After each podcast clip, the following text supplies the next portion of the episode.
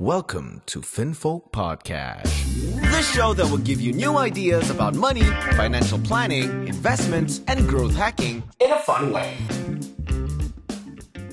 Nah, jadi eh, ya orang-orang tua pun yang tadinya notabene nggak nggak bisa tuh belanja online atau apa pun. Nah, tapi dengan kondisi pandemi begini, mau belanja ke mall takut, ya Hmm. udahlah belanja lewat online, Online aja. online mall aja, ya kan? Ya. Nah, tapi kalau aku ngelihatnya ke depannya itu harus punya ekosistemnya gitu. Untuk apa? Ah, oke. Karena kalau enggak, cuma jadi transactional banking doang, ujung-ujungnya berlomba. Oke, gue murahin deh transaction fee segini. Oh, berlomba-lomba murahin, dapat customer, customer belum tentu loyal. Yes. Hello Finfokers. Sebelum nonton video ini, wajib diingat ya, apa pun yang dibicarakan di video ini bukan sebagai ajakan investasi ataupun rekomendasi saham apa pun. Tapi hanya pendapat ataupun analisa pribadi dari host dan juga speaker ya teman-teman. So, sebelum kita mulai, enjoy the podcast. Hello Finfokers, baik lagi sama gua Calvin. Di next episode ini, kita akan bahas mengenai bank digital. Jadi mungkin teman-teman ataupun Finfokers di sini juga udah pada tahu ya, udah pada eh, FOMO juga nih mengenai bank digital gitu kan dan teman-teman mungkin bingung apakah sekarang itu bank digital udah price in gitu ya terus eh, atau misalkan bank digital ini apakah eh, bakal jadi the next eh, things di Indonesia ini gitu ya nah ini gue pengen nanya ini sama eh, salah satu equity investor Ko Vincent Prasetyo gitu ya jadi hari ini gue bareng Ko VP lagi jadi gue mau nanya-nanya tentang bank digital nih kok. Nah pertama-tama nih sebelum gue bahas lebih lanjut lagi, sebenarnya tujuan dari bank digital ini apa sih dan bank digital ini apa gitu sebenarnya? Maksudnya kayak mungkin orang-orang pada masih bingung ya. Iya, iya, iya. itu apa sih iya. maksudnya kok bank digital itu apa? Terus tujuannya tuh dari digitalisasi banking ini apa sih gitu? Oke.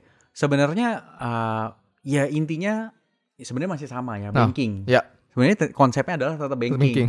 Cuman eh, ada sesuatu yang misalnya dulu kita harus ke bank, Hmm. vi- visit atau apa pun, Ya. itu nantinya akan lebih mudah. Nah, jadi kan dengan suatu kondisi pandemi ya, Ya. contohnya juga kita bisa bandingkan seberapa sering sih kita ke bank sekarang ini. Males kan Hmm. ke bank. Mhm. Kalau bisa nggak megang uang kas, nggak megang uang kas lah. Bener Kalau bisa bay- Cashless ya? bayar apa McDonald ya, Iya. pakai OVO nih, scan aja Iya Pak, ya kan? bayar ini pakai GoPay aja Iya, ya iya. kan. Jadi em, tujuannya kita pakai bank digital apa pun yang kita belanja itu kalau bisa cashless gitu. Hmm. Nah, memang eh, cukup unik gitu karena hal itu mesti didorong oleh suatu kejadian gitu loh. Nah, mungkin kejadiannya adalah ya pandemi, Pandemi, ini gitu yang ah. mengakibatkan ya orang Mau mesti mau ya. bertransformasi. Ya. Yang nggak bisa pakai bank digital ya harus bisa. Ya contohnya kayak eh, my mom sebelumnya Ya. nggak bisa tuh pakai m banking Ya. ini transfer ke mana-mana. Wah sekarang bukan main. Setiap sebentar ada Shopee atau Gojek belanja. Tokped ya kan. Ya Iya, udah iya. belanja terus gitu. Ya. Setiap sebentar datang kiriman ke rumah ini apalagi belanja ya kan. Iya, iya. Nah jadi eh, ya orang-orang tua pun yang tadinya notabene nggak nggak bisa tuh belanja online atau apa pun. Nah, mhm. tapi dengan kondisi pandemi begini mau belanja ke mall takut ya Hmm. udahlah belanja lewat online Online aja. online mall aja ya kan. ya. Nah jadi em, ya bank digital itu sebenarnya eh, bagus untuk memfasilitasi itu. Nah tapi kan Ah. pertama adalah eh, kategorinya transaksional kan. Oke. Ya kita buat pembayaran, untuk Iya. belanja, transfer uang, Iya. untuk belanja apa. Nah, tapi eh, kalau cuman kayak gitu doang, ya kan? Itu jadi mungkin nggak menarik. Nggak menariknya Hmm. kenapa? Ya semua bank-bank yang udah konvensional sekarang ini, misalnya Bank BCA, Hmm. ya juga dia akan bikin sakuku. Yang Bank Hmm. BRI dia akan bikin aplikasi pinangnya, Iya. ya kan? Ya, jadi semua akan berlomba-lomba ke arah sana. Iya. Ya BRI punya ekosistem sendiri, ya BUMN Iya, ekosistem. Iya. Bank BCA juga punya ekosistem konsumer, Iya. ya kan yang konsumernya juga cukup kuat. Nah kemudian mulai muncul ada Bank Amar, Bank em, Neo Yuda, terus Bank Bumi Arta, Bumi Arta, tiba-tiba eh, Bank apa? Bank Kapital juga katanya mau diambil oleh si Grab ya Grab, kan. iya. Terus eh, Shopee udah ambil Bank Kesejahteraan Iya. katanya. Terus kan DBS memang udah lama kan, Iya. dua tiga tahun yang lalu. Jadi tiba-tiba minggu ini cukup unik. Semua yang berbau digital saham Sahamnya banknya naik semua ya. 20 persen. Even saham bank yang baru IPO itu Iya. kan 25 persen arah udah sampai berkali-kali Iya, udah sampai benar. bingung kita, ya kan? Benar-benar. Nah jadi lucu banget nih minggu ini semua kata digital tuh jadi seksi Dari gitu. seksi ya. Apa-apa bank Nah. digital semua kok ya. Tapi sebenarnya siapa yang akan jadi the real winner nantinya gitu? Ah. Apakah em, semua akan jadi pemenang di situ belum Mhm, tentu mhm, gitu mhm. karena namanya bank digital tuh ya mirip-mirip kayak kita, kita bikin suatu apps yang baru ya kan Ya. ya memang sih kayak mobile banking gitu kan kita udah Mhm, bisa mhm. belanja pulsa Mhm. belanja ini itu token pulsa gaming and stuff ya kan udah dipermudah lah ya kan Mhm. nah tapi kalau aku ngelihatnya ke depannya itu harus punya ekosistemnya gitu untuk apa Ah, oke. karena kalau enggak cuma jadi transactional banking doang ujung-ujungnya berlomba oke gue murahin deh transaction fee segini oh berlomba-lomba murahin dapat customer customer belum tentu loyal Yes. begitu mereka pakai oh iya diskon nih Iya. pakai ini dulu deh Iya. begitu let's say harga naik pindah lagi oh yang sana ada yang murah ya Iya. pindah lagi gitu Mhm. nah jadi uh, with the right ecosystem and the right technology development I think uh, bank digital yang yang bagus itu uh, nggak cuman ambil dari titik uh, landingnya Endingnya. ya tapi mereka bisa funneling untuk uh, apa bukan dari deposit doang Iya. bisa funneling untuk lending juga Mhm. bisa funneling untuk misalnya mau beli forex kita tinggal klak klik klak klik Ya. beli USD berapa ya Mhm. tentu harus memenuhi ketentuan uh, apa Kriteria-kriterianya ya. OJK Iya, juga yang betul. berlaku kan belanja maksimal per orang Per orang berapa, berapa, gitu ya. tapi ya kita mau beli bitcoin mau beli apa kalau bisa langsung Support klak gitu klik ya. klak klik langsung masuk Ya. ya kan mau transfer uang ke luar negeri klak klik klak klik langsung Ya. jadi gitu jadi em, pertama menurut aku bank digital perlu ekosistem yang tepat ya kan Oke. Nah, ekosistem. jadi setelah ekosistemnya tepat, mereka juga punya harus punya loyal subscriber yang yang oke Hmm. dan mereka sendiri harus punya continued development yang bagus supaya nggak cuma jadi transactional banking, tapi Hmm. bisa berevolusi menjadi suatu uh, yang penting gitu. Jadi bisa aja kita nanti pakai jam tangan kita kita scan begini, oke transfer duit gitu ya. kan. Benar, benar, bisa benar. aja, cuman kita nggak tahu ke depannya sampai mana. Tapi Ya. yang udah pasti sekarang ini eh, menurut aku ya ada tiga tiga forefront ya. Oke. Satu ya si empat mungkin. Empat Sorry, ya. Empat. Oke. Um, satu ya ada si Gojek ya Oke. kan. Gojek sama Tokped sebentar lagi udah mau Mhm, merger, merger. dan Gojek sudah punya eh, bank jago itu Mhm. sekitar 20-an persen Iya. gitu ya. Mhm. Jadi eh, Gojek untuk menjadi super app memang sangat butuh eh, marketplace seperti Tokped. Yes. Nah, setelah mereka punya marketplace itu, ya mereka punya eh, ekosistemnya. ekosistemnya seperti apa? Berapa Ya. banyak Go GoPay user, berapa banyak OVO user. Nah, Ya, itu sesuatu yang bisa di digabungin. merge ya. Ya, kan? betul. Nah, dan kenapa Bank Jago ini menjadi suatu bank yang sangat valuable karena usernya sangat banyak gitu. Hmm. Jadi kita tinggal tinggal itu aja hitung gitu loh, usernya berapa dikali range gitu. 700 dolar sampai 3000 dolar habis itu dibagi gitu sama Oke. market share-nya. Udah habis gitu eh setelah ekosistem bank apa? Jago jago. bisa aja ada si Grab juga kan. Hmm. Nah, tapi ini kita belum tahu dia mau yang mana. Iya. Tapi semua di market bilangnya, oh ada Bank Bumi Arta, Bank Capital. Nggak mungkin semua bank. Hmm. Karena yang mereka butuhkan cuma satu. Bank yang harganya paling murah, Hmm.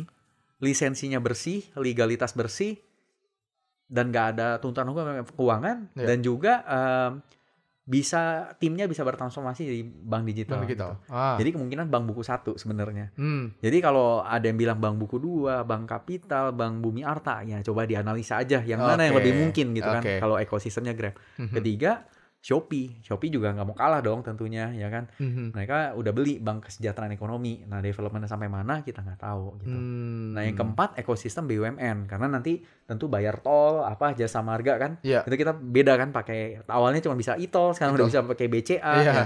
Cuman pasti awal-awalnya segala berbau BUMN nanti masuknya mungkin ke ekosistemnya ya link aja Link atau aja. si uh, Pinang itu yang punyanya Bank Agro, Agro. ya kan. Hmm. Ya, jadi ekosistem itu. Nah, bank-bank yang gede lainnya gimana? Apakah mereka uh, nggak bisa berpartisipasi? Tentunya bisa. Hmm. BCA ya mereka punya super power, powernya, bank lain juga punya super powernya. Iya. Tapi kan mereka dilandasi dari bank yang konvensional Iya. kan. Jadi kalau misalnya mau mendevelop bank digital, apakah mereka harus punya tim sendiri, Hmm. develop backbone-nya sendiri terpisah baru digabungin, Digabungin. atau gimana? Iya. Karena kan mereka sudah terbiasa konvensional.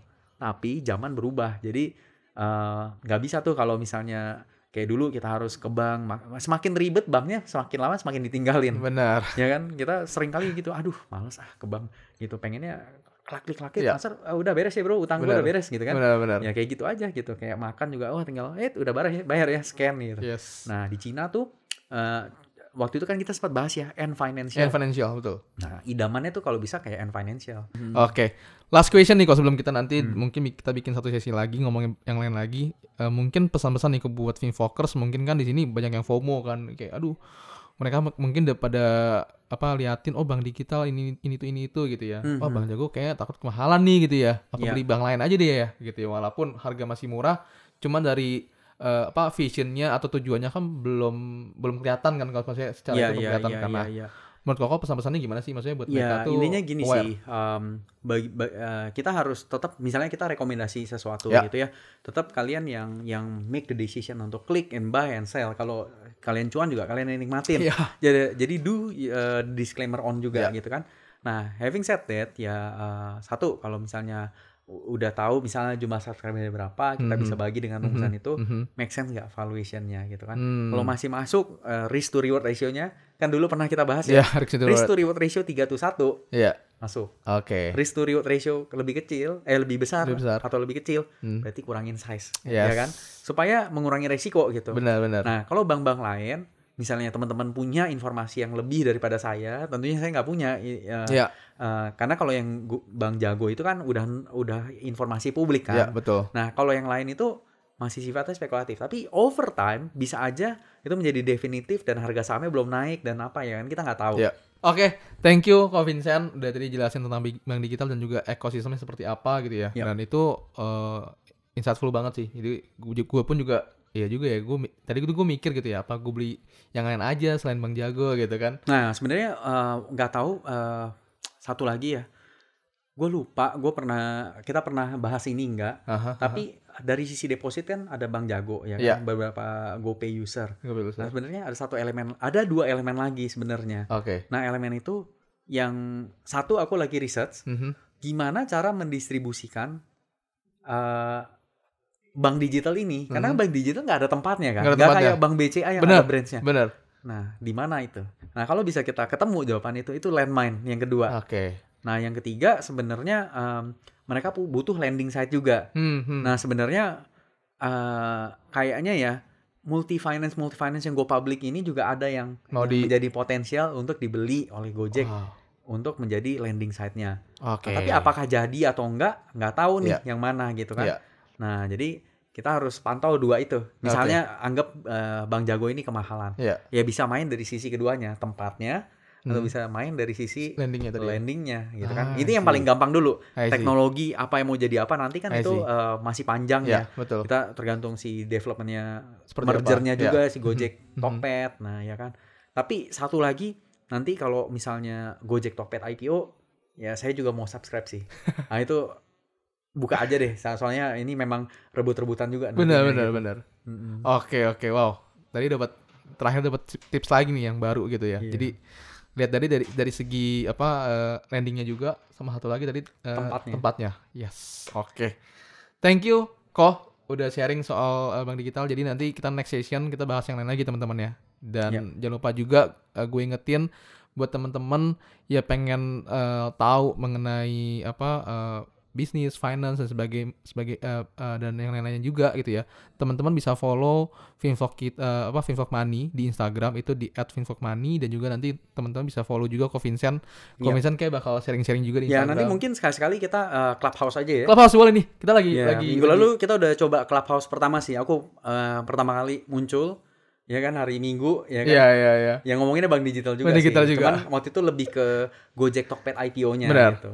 Nanti eh, kalau teman-teman yang punya clubhouse ya boleh nanti Boleh. follow, Yes. join kita bakal adain di satu sesi nanti kita eh, broadcast ya di Broadcast. Fintalk Money. Money, boleh boleh tuh. Emang kita mau bikin arrange itu juga kayak Iya, jadi biar bisa lebih interaktif, Interaktif, kan. Kemarin kayaknya kita ada satu sesi interaktif lewat Zoom ya. Ya, eh, Ya. sorry lewat IG live. IG ya. live ya, lumayan juga gitu Ya, kan. benar benar Nah, benar. Nanti kita bikin lewat Clubhouse, Clubhouse. lagi. Hmm. Benar-benar. Oke deh.